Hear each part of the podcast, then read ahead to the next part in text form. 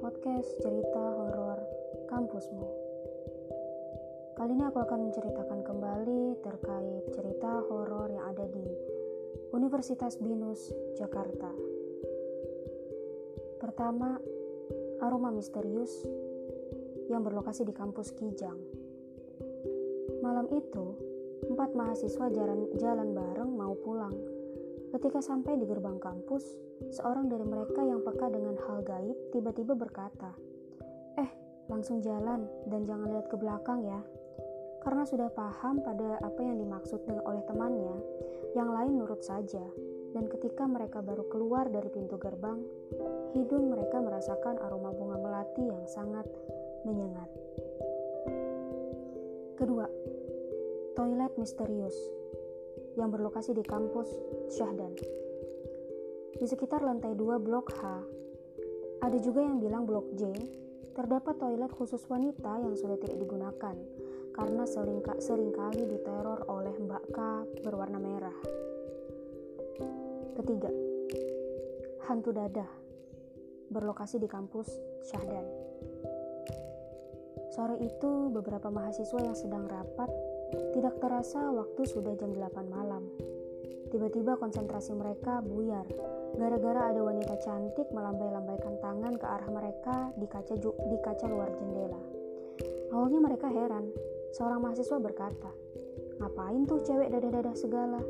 Kemudian situasi semakin merinding ketika mereka semua sadar bahwa mereka sedang rapat di lantai 3.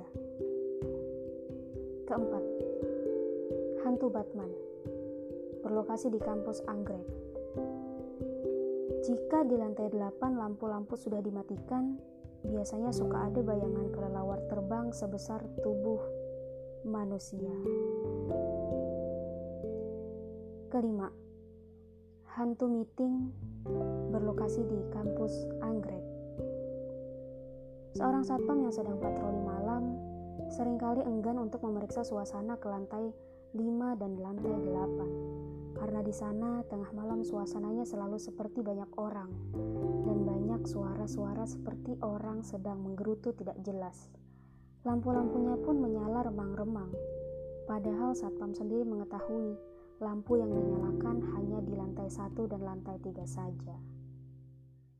Keenam, dikerjai oleh hantu. Berlokasi di kampus Anggrek. Suatu malam, seorang mahasiswa yang berulang tahun dikerjai oleh teman-temannya. Dia diikat di kursi dan ditaruh di depan lift lantai 8. Setelah itu teman-temannya meninggalkan dia sendirian. Tak lama kemudian terdengar histeris teriak-teriak minta tolong. Untunglah teman-temannya cepat datang. Ketika ditolong bajunya sudah basah dengan keringat, sedang wajahnya pucat dengan tubuh dan bibir gemeteran. Setelah ditanya-tanya, rupanya dia melihat Mbak K keluar dari dalam lift. Ketujuh, hantu garuk masih berlokasi di kampus Anggrek.